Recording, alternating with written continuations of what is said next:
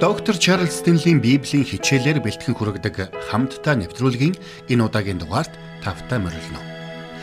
Та өөрийн ажлын төлөвлөгөөг гаргаад нэг хараарай.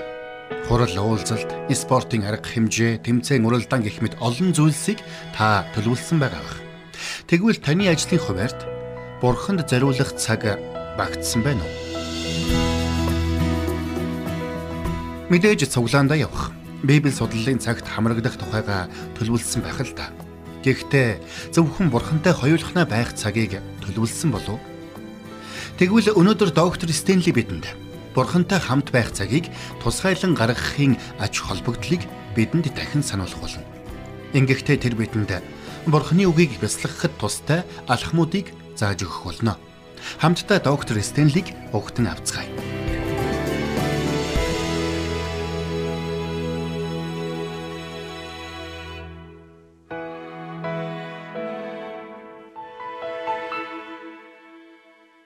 Христэд итгэгчид бид Бурхны үгийг тунгаан бясалгахдаа хэд хэдэн чухал алхмуудыг зайлшгүй хийх шаардлагатай гэж би боддог.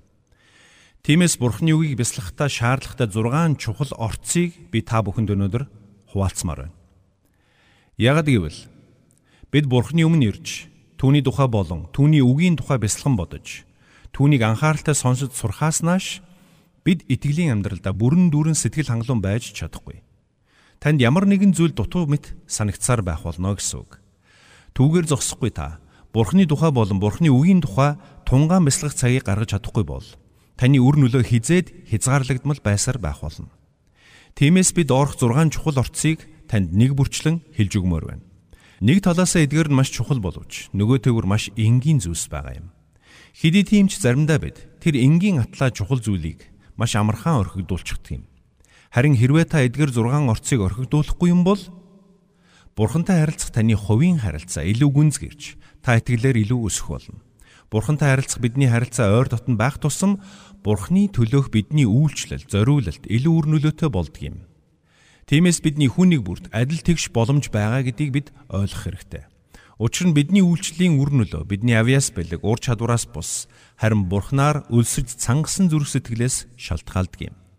Үнэхээр Бурхнаар үсэд сангасан Бурхныг чин сэтгэлээс эрен хайсан нэгнийг Бурхан өөрийнхөө алдрын төлөө хамгийн гайхамшигтайгаар хэрэгэлдэг юм. Олноо сонцгоо ур чадвартай биш ч гэсэн Бурхнаар гайхамшигтайгаар хэрэглэгдэж буй хүмүүсийг би олон удаа харж байсан. Тэр хүмүүсийг гаднаас нь харахад эгэлж ирийн. Онцлог зүйлгүй мэт харагдавч Бурхан тэднэр дамжуулан агуу ажлуудаа хийж байгааг би харж байсан. Учир нь хүмүүс бид гадна байдлыг хардаг бол бурхан дотоод сэтгэлийг хардаг юм. Тиймээс хэрвээ та бурхнаар хэрэглэгдэж итгэлийн амьдралдаа өсөж хөгжихийг хүсэж байгаа бол дараах 6 орцыг тэмдэглээд аваарай. За ингээд эхэлцгээе. Эхний орц бол цаг хугацаа. Та цаг хугацаа гэд бичээд аваарай. Хэрвээ та бурхныг таньж мэдэж бурхантай адил дүр төрхийн дагуу өөрчлөлтийг хүсэж байгаа бол бурхантай хамт байх цагийг гарга. Бид хэнийг хамгийн ихээр ширтэн харна түүнтэй илүү адилхан болж өөрчлөгдөж байдаг юм. Бид оюун санаагаа юун дээр хамгийн ихээр төвлөрүүлнэ түүнтэйг адилхан болж өөрчлөгдөж байдаг юм. Тиймээс хамгийн чухал ихний орц бол цаг хугацаа юм. Давид хаан гэлтгүү эзэн Есүс Христ хүртэл Бурхны үгийг тунгаан бясалгахдаа тусгайлан цагийг гаргадаг байсан юм. Эзэн Есүс өглөөрт босоод уулан дээр гарч Бурхан эцэгтэй хандан залбирдаг байсан. Тэр Бурхан эцэгтэйгээ хамт байх цагийг тусгайлан гаргадаг байсан юм. Өнөөдөр бид амьдралынхаа энэ завгүй хэмнэл дундаа юунд цаг гаргах вэ? Юунд цаг гаргах шаардлагагүй вэ гэдгээ нэгд нэгэнгүү бодож төлөвлөдөг болсон үе. Тэгвэл та бурхан зориулсан цагийг тусгаалan төлөвлөж байна уу? Хэрвээ та бурхан зориулсан цагийг гаргахгүй бол та жинхэнэ баяр хөөр, амар тайван, аз жаргал, мэрэгэн ухаан, сэтгэл хангалуун байдалд цаг гаргахгүй байна гэсэн үг юм. Бид бурхан зориулсан цагийг тусгаалan гаргахгүй бол итгэлээр хизээж өсөж чадахгүй юм. Нэг хүн надаас Би эзэн дотроос хурдан өсөхийн тулд юу хийх зохистой вэ гэж асуусан юм. Харин би тэр хүнд хэрвээ чи маш богинохон хугацаанд маш хурдан өсөе гэж бодож байгаа бол уучлаарай. Тэгэх ямар ч боломжгүй юм гэж хэлсэн. Яагад гэвэл Бурхныг таньж мэдж, Бурхан дотроос өсөхийн тулд заавал Бурхантай хамт цагийг өнгөрүүлэх ёстой болно. Үүнд цаг хугацаа зайлшгүй шаардлагатай. Тэгвэл Бурхны талаар болон Бурхны үгийн талаар тунгаан бясалгах зайлшгүй шаардлагатай хоёр дахь чухал орцыг та тэмдэглээд аваарай. Энэ нь намгүн байдал юм. Намгүн байдал. Дуулал номын 46 дугаар бүлгийн 10 дугаар хэсэгт хэлэхдээ тэмцэлтгэ болж бурхан гэдгийг минь мэд гэсэн байдаг. Хэрвээ бид бурханы өмнө ирээд нам гүн байж чадахгүй бол бурханыг мэдэрч чадахгүйд хүрнэ. Учир нь нам гүн байна гэдэг нь бид өөр бусад зүйлийг хийхээ зогсооно гэсэн үг юм. Бид бурханы өмнө ирэхдээ бүх анхаарлаа түнд хандуулах нь маш чухал юм. Яагад гэвэл бид бурхантай хамт байх цагийг тусгаалan гаргаж бурханы өмнө нам гүмхэн сууж бурханы тухай болон бурханы үгийн тухай бясалган бодох үед бурхан бидэнд хэрэгтэй тэр үгсийг бидэнд сануулдаг юм.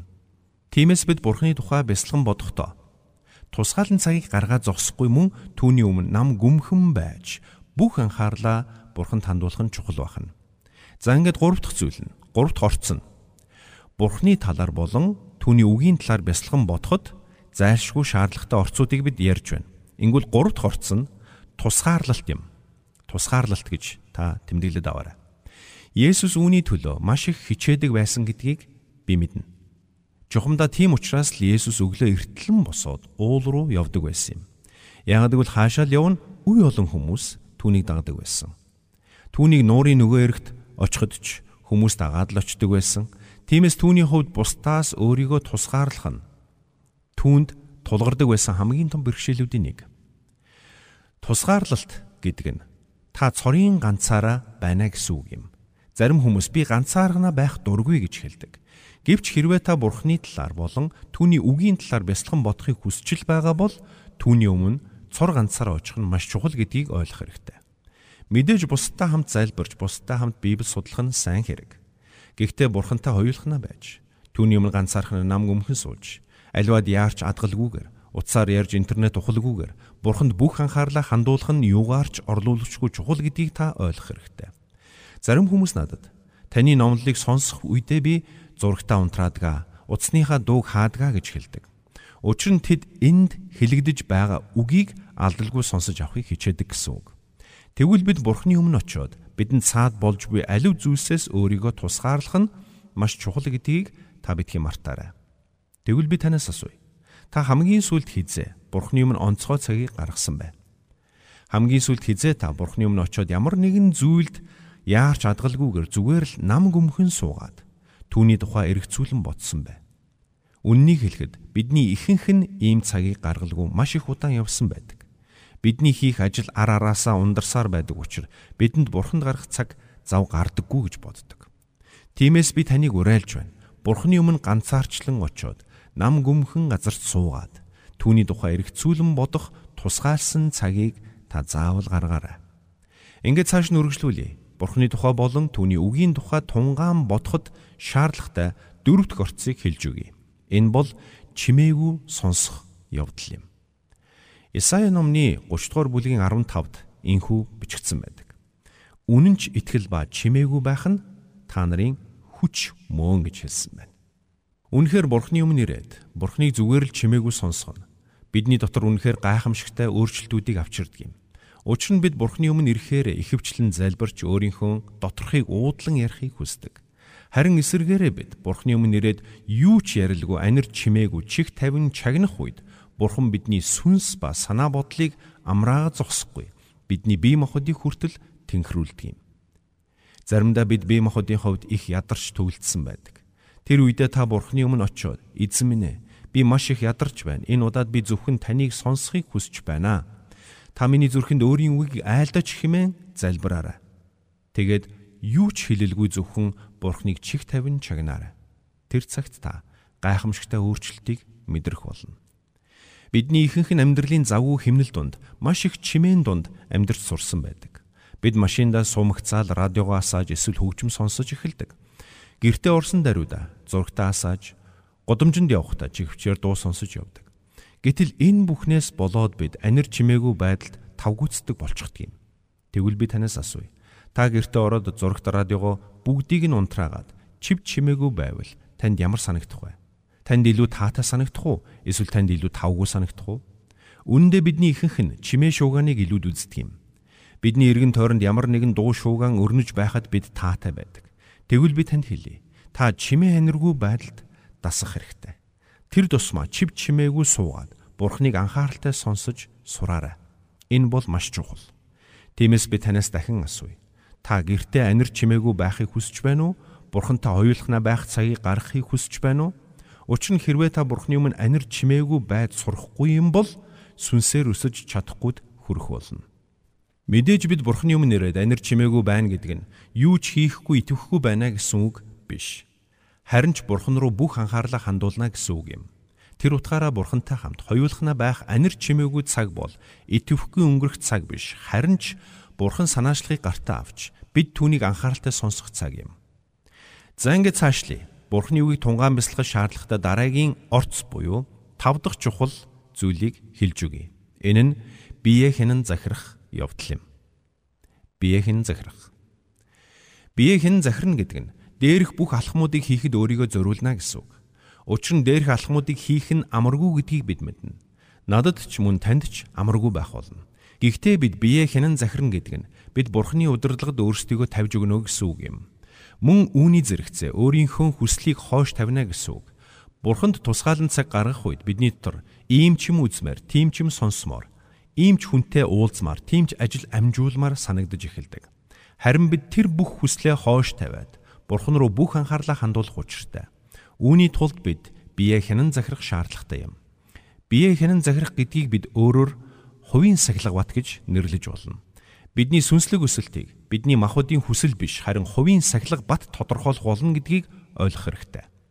Зөвхөн сүнслэг өсөлт гэлтгүү бидний амьдрал бүхэлдээ бидний хувийн сахилга утаас шалтгаалдаг гэж хэлэхэд хэлсдэггүй. Учир нь бид сахилга уттай байснаар тодорхой талбар дээр үр дүнд хүрч чаддаг юм. Жишээ нь та сургуульд исэн орлоо гэж бодоход өглөө бүр босож хичээлдээ явж байж сургуулаа төгсч чадна шүү дээ. Үүний нэгэн адил та ажилд орсон бол өглөө бүр босож ажлаа таслалгүй явж оногдсон үүрэгт ажлаа хариуцлагатай хийж байж ажлын талбар дээрээ үр дүнд хүрч өгөөжө хүртэх болно. Тэгвэл бид Тэнгэрлэг эцэгтэй цаг гаргахад үүнээс тутахгүй сахилга батыг гаргаж чадахгүй гэж үү? Харамсалтай нь бид энэ дэлхий дээрх ажил хөдөлмөрт маш сахилга батыг гаргаж чаддаг хэрнэ. Бурхандаа цаг гаргах болохоор тэр бүр сахилга баттай байж чаддаггүй. Тэгвэл бид сүнсээр өсөхийг хүсчил байгаа бол Бурхан зориулсан цаг гаргахдаа сахилга баттай байж бие хянан захирч чаддаг байх учиртай юм. Бид чухал гэж үзсэн ажлуудаа хамаг цагаа зарцуулж хаад үлдсэн жоохон цагаа бурханд гаргах бус Харин Бурхан эцэгтэй зориулн тусгаалan цагийг тастаж гаргадаг байх нь чухал юм. Мэдээж бидний хүн нэг бүр өөр өөр учраас яг хизээ бурхан цаг гарах нь хамгийн сайн болохыг би эндээс хэлж мэдэхгүй юм. Бидний заримынх нь хувьд өглөөрт хамгийн тохиромжтой бол заримд нь шүн дунд ч хамгийн тохиромжтой байж болох юм. Хүн бүрийн онцлог өөр учраас хизээ цаг гарах нь хамгийн сайн гэдгийг би таны өмнөөс хэлж мэдэхгүй. Гэхдээ хамгийн чухал нь бид өөрийнхөө хувьд хамгийн тохиромжтой гэж үзсэн тэр цагийг бурхан зориулан тусгаалan гаргадаг байх нь чухал юм. Үүнд л бидэнд сахилга бат бие хянан захирах чадвар шаардлагатай юм. Гэтэл бид энэ тал дээр нэг алдааг ихэвчлэн давтдаг. Тэр нь бид шинэ оны босгон дээр шийдвэр гаргадаг. Би эх жилийн туршид ийм ийм зүйлийг хийх болно гэж төлөвлөдөг. Тэгээд шинэ он гарч тэр төлөвлөсөн зүйлээ 2-7 хоног хийгээд л зогсчихдаг. Заримдаа бүр мартаж орхидог заримдаа хийж чадахгүй юм байна гэж шантраад болдог. Тэгвэл бид заримдаа чадахгүй байсан ч хамаагүй хийх нь зөв гэсэн зүйлээ зогсолтгүйгээр хийсээр байх нь чухал юм.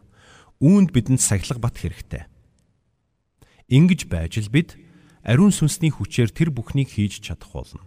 Тэр бүхэл Бурхны үгийг уншиж судлахад хүртэл бидэнд сахилга бат зохион байгуулалт хэрэгтэй. Заримдаа бид Библийг уншихдаа зүгээр л аль тааралцсан газраас уншдаг шүү дээ.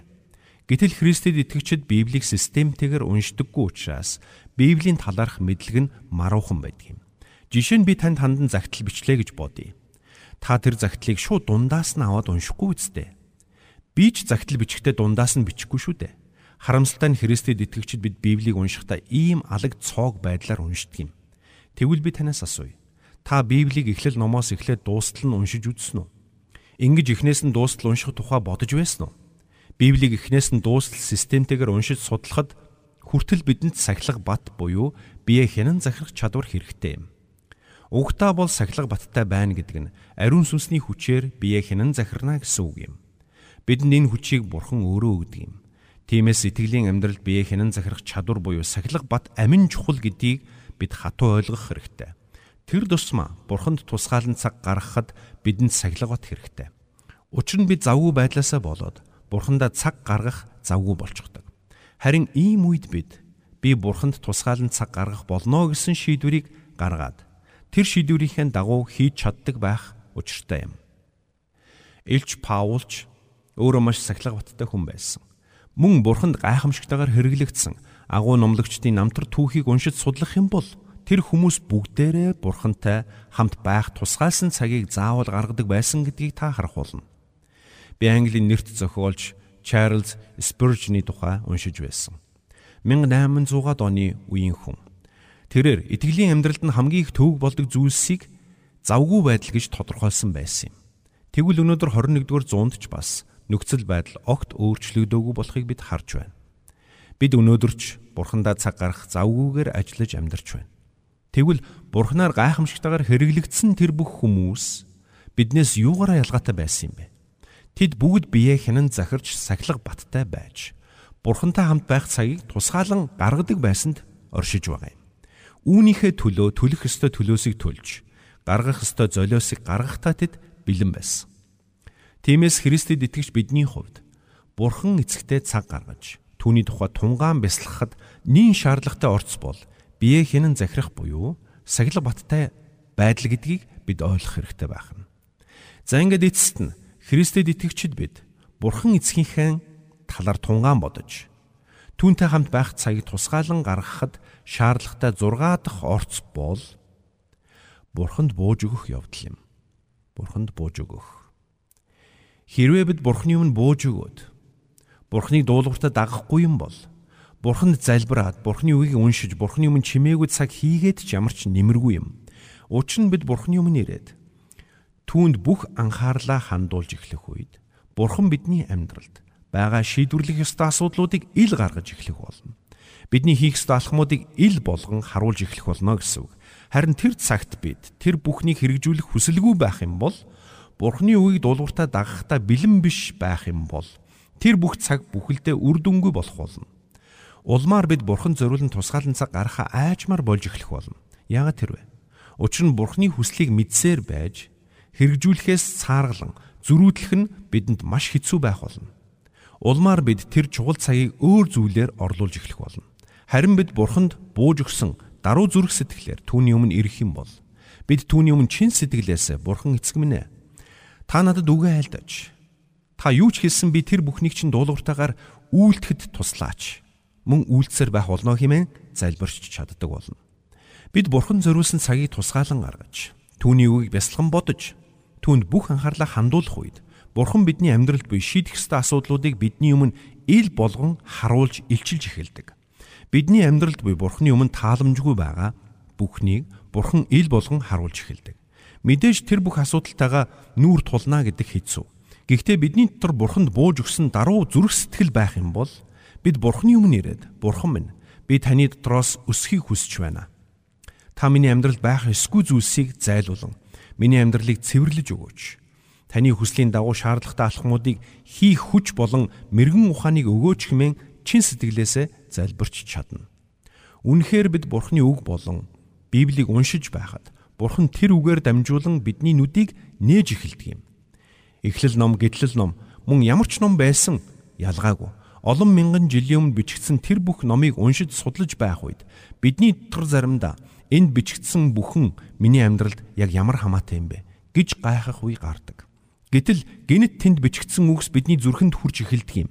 Тэгээд бидний амьдралд байгаа бурхны өмнө тааламжгүй зүйлсийг ил болгон харуулж эхэлдэг юм. Саяхан би Библийн нэг хэсгээс уншиж байтал тэнд бичигдсэн нэгэн түүх миний анхаарлыг ихэд татсан. Уг нь би тэр түүхийг өмнө маш олон удаа уншиж байсан. Би тэр түүхэнд юу гардгийг нэг нэгэнгүй мэддэг байсан. Гэсэн ч тэр түүх намайг өөртөө татаад байх шиг надад санагдсан. Тэр түүхэн дээр Бурхны нэгэн зарц маш ноцтой алдаа гаргасан тухай түүх юм. Тиймээс би Бурхны өмнө очиод Бурхан минь та энэ түүхээр дамжуулаад надад ямар нэгэн зүйлийг хэлхийг хүсэж байна уу хэмээн асууж залбирсан. Яг тэр үед бурхан намайг өөрт нь бүрэн итгэж, бүрэн дуулууртай байх хэрэгтэйг сануулсан. Мэдээж би тэр үед өөрийгөө бурхан бүрэн бууж өгч, бурханыг 100% дуулууртай дагаж байгаа гэж бодож байсан. Гэвч яг үнэндээ тийм биш байсныг бурхан надад харуулсан юм. Бурхан яг л ингэж ажилдаг. Тиймээс хэрвээ Библийн аль нэг хэсэг эсвэл аль нэг түүх таны анхаарлыг татаж байвал анхааралтай уншаарай. Бурхан тэр үгээр дамжуулаад таны амьдралын чухал хэсгүүдийг танд зураглан харуулах болно. Харин тэр цагт та Бурханы хүслийг дуулууртаа дагаж хийх ёстой алхмуудаа дуулууртаагаар хийхэд бэлэн байх учиртай юм. Учир нь Бурхан биднийг өөрт нь бүрэн бууж өгч, бүрэн захирагдаасаа гэж хүсдэг юм. Энэ бол Бурханы хүсэл. Бурхан биднийг өөрт нь тийм ойр дотн байгаасаа гэж хүсдэг. Учир нь бид Бурхантай ойр дотн байх үед Бурханы төлөөх үйлчлэлд илүү үр нөлөөтэй байж чаддаг юм. Харин үүний тулд бид Бурханд бун өгч, Бурханы дуулууртаа дагахад бэлэн зүрх сэтгэлтэй байх нь чухал юм. Тиймээс энэ цагийн төгсгөлд би танд дахин сануулъя. Та яаж чичээсэн бай? Та юу ч хийсэн бай хамаагүй. Хэрвээ Бурхан зориулсан цагийг тусгаалan гаргаж, миний саяын хэлж өгсөн алхмуудыг хийхгүй юм бол Бурхантай харилцах харилцаа чинь илүү гүнзгийрэх ямар ч боломжгүй гэдгийг санаарай. Яагаад тэрвэ? Яагаад гэвэл Бурхан бидний ур чадвар, авиас бэлэг сонирн биш. Бидний зан чанар, шаргуу байдалч чухал биш. Бурхан гагцхүү бидний зүрх сэтгэлийг харддаг юм. Тэр биднийг өөрт нь ойр дотн харилцаатай байгаасаа гэж хүсдэг. Харин үүний тулд бид Бурхантай хамт байх цагийг гаргах ёстой. Бид Бурхан зориулсан цагийг тусгаалan гаргаж, Бурханы өмнө нам гүмхэн сууж, Бурханыг анхааралтай сонсож, сахилга баттай байж, Түүний үгийг дуулууртаа дагахад бэлэн байх учиртай юм. Тэр цагт Бурхан өөрийнхөө үгээр дамжуулан бидний амьдралд гайхамшигтай ажлуудаа хийж эхлэх болно. Тэр цагт бидний амьдрал Бурханаас холдож хөдлөшгүйгээр бат бэхээр бэхлэгдэх болно. Таны эргэн тойронд юу ч болж бай. Ямар ч хүчтэй салхи шуурга болж байсан ч хүчрхэг хүнд зангууга хайсан хөлөг онгоц мэд тогтвортой байх болно. Яагаад тэрвэ? Яагаад гэвэл та бурхантай хамт байх цагийг гаргаж байгаа учраас та түүний бодол санаанд анхаарлаа хандуулж байгаа учраас аливаа зүйлийг харах бурхны харааг өөртөө хүлээж авч байгаа учраас тэр юм. Давид хаан чухамда үүнийг л хийдэг байсан. Тэр бурхны өмнө нэрж өөрийн амьдралыг эргэн харж бурхныг ямар агуу болохыг тунгаан бодож бурхны агуу амлалтуудыг өөртөө сануулж эцэст нь бурханд гуйл залбирлуудаа өргөдөг байсан юм. Энэ бүхнийг хийхдээ Давид хаан бурхантай хамт хоёулахна байх цагийг тусгаалan гаргаж анир чимээгүйгээр бурхныг сонсдог байсан юм а. Тиймээс би эрт 7 хоногийн туршид таныг дараах алхмуудыг хийгээсэй гэж хүсэж байна. Та өнөөдөр өрөө унтахаас өмнө эрт 7 хоногийн ажлын хуваараа гаргаад 7 хоногийн туршид өдөр бүр 15 эсвэл 30 минутыг бурханд зориулан гаргана гэсэн шийдвэрийг гаргаарай. Та тэр шийдвэрээ цаасан дээр буулгаж бичээрэй. Хэрвээ танд бүтшгүй мэт санагдаж байгаа бол ядаж 5 минутаас эхлээрэй. Учир нь та энэ цагийг тусгаалan төлөвлөж гаргахгүй юм бол ийм цаг аяанда ирнэ гэж хизээж байхгүй юм шүү. Тиймээс та өнөөрөө унтахаас өмнө эх 7 хоногийнхоо төлөвлөгөөндөө ийм цагийг заавал багтаагаарай. Магадгүй та дотроо би юу ч төлөвлөдөггүй. Урдаа таарсан ажлаа л хийдгээ гэж бодож байж болох юм. Тэгвэл та ядаж нэг зүйлийг төлөвлөөд үзээрэй. Тэр нь бурхан зориулсан цаг байг. Бурхан зориулсан цагийг амьдралдаа заавал төлөвлөөрэй. Учир нь хэрвээ та энэ цагийг төлөвлөхгүй юм бол та хизээж цаг гаргахгүй. Тиймээс эх 7 хоногийн туршид өдөр бүр тодорхой цагийг гаргана гэж төлөвлөд. Тэр цагаа тусгаалan тэмдэглээрэй. Тэгээд 7 хоног бурханд цаг гаргасны дараа бурхан таны амьдралд ямар гайхамшигтай ажлуудаа хийж эхлэхийг та харах болно. Хэрвээ та үүнийг хараад амсаж эхлэх юм бол Энэ сайн дадал зуршил чинь 7 хоногоор хязгаарлагдахгүй цааш үргэлжлэх болно гэдэгт би үнэхээр бүрэн итгэлтэй байна. За ингээ хамт залбирцгаая. Бурхан эцэг минь та үнэхээр өршөөл нэгүслэр дүүрэн хайр инэрлэр элбэг баян нэгэн билээ. Та биднийг үрдийн хайраараа хайрлсан учраас танд баярлалаа. Үнэхээр танаар хайрлагдсан бид өнөөдрийн энд яригдсан үгсийг амьдралдаа хэрэгжүүлэхэд минь туслаач. Өнөөдөр намайг сонссон хүн нэг бүрийн төлөө би залбирч байна. Тэр хүн нэг бүр танд зориулсан цагийг тусгаалan төлөвлөхийн төлөө би залбирч байна. Тэднийг та өөрөө ятгаж, та өөрөө тэдэнд сануулж өгөөч. Диавол бидний амьдралыг улам бүр завгүй болгож, бидний танд зориулах цагийг хулгайлсаар байна. Харин Бурхан минь бидний хүн нэг бүрд юу хамгийн хэрэгтэй болохыг та хамгийн сайн мэддэг нэгэн мэлээ. Тиймээс эх 7 хоногийн туршид бид таны өмнө шийдвэр гаргаад өдөр бүр тодорхой цаг хугацааг танд зориулан төлөвлөхөд та туслаач. Мөн тэрхүү төлөвснийхөө дагуу сахилга баттайгаар үйлдэхэд та туслаарай. Ийхүү бид бүгд Тэнгэрлэг эцэг таны дуу хоолойг сонсож, таныг дуулууртаа даган амьдрахад та туслаарай. Эзэн Есүс Христийн нэрээр залбирч байна. Амен. Бид бурхантай хамт байх цагийг гаргах тусам итгэлээр улам илүү өссөөр байх болно. Тиймээс та доктор Чарлз Стенлийн уриалгыг хүлээн авч 7 хоногийн хугацаанд бурхны үгийг бясалгахад тустай 6 чухал алхмуудыг амьдралдаа хэрэгжүүлж үзээрэй. Энэ нь таны амьдралд гайхамшигтай өөрчлөлтүүдийг авчрах болно гэдэгт би итгэлтэй байна. Өнөөдөр таны амьдрал санаа зовнил, зөрчил тэмцлэр дүүрэн байна уу? Хэрвээ тийм бол бурхны үгийг тунгаан бодсноор та бурхны амар тайвныг мэдрэх болно. Эзэн Есүс Иохан 14-ийн 26-аас 27-д хэлэхдээ Харин туслагч буюу миний нэрээр эзхийн минь илгээх ариун сүнс та нарт бүгдийг заах бөгөөд та нарт хэлсэн бүгдийг минь сануулах болно. Амар амгаланг би та нарт үлдээн. Амар амгалангаа би та нарт өгнө. ертөнцийн өгдгөөс өөрийг би та нарт өгч байна. Өр зүрхээ бүү шаналга, бүү төгшөцгөө. Химэн айлдсан байдаг юм шүү.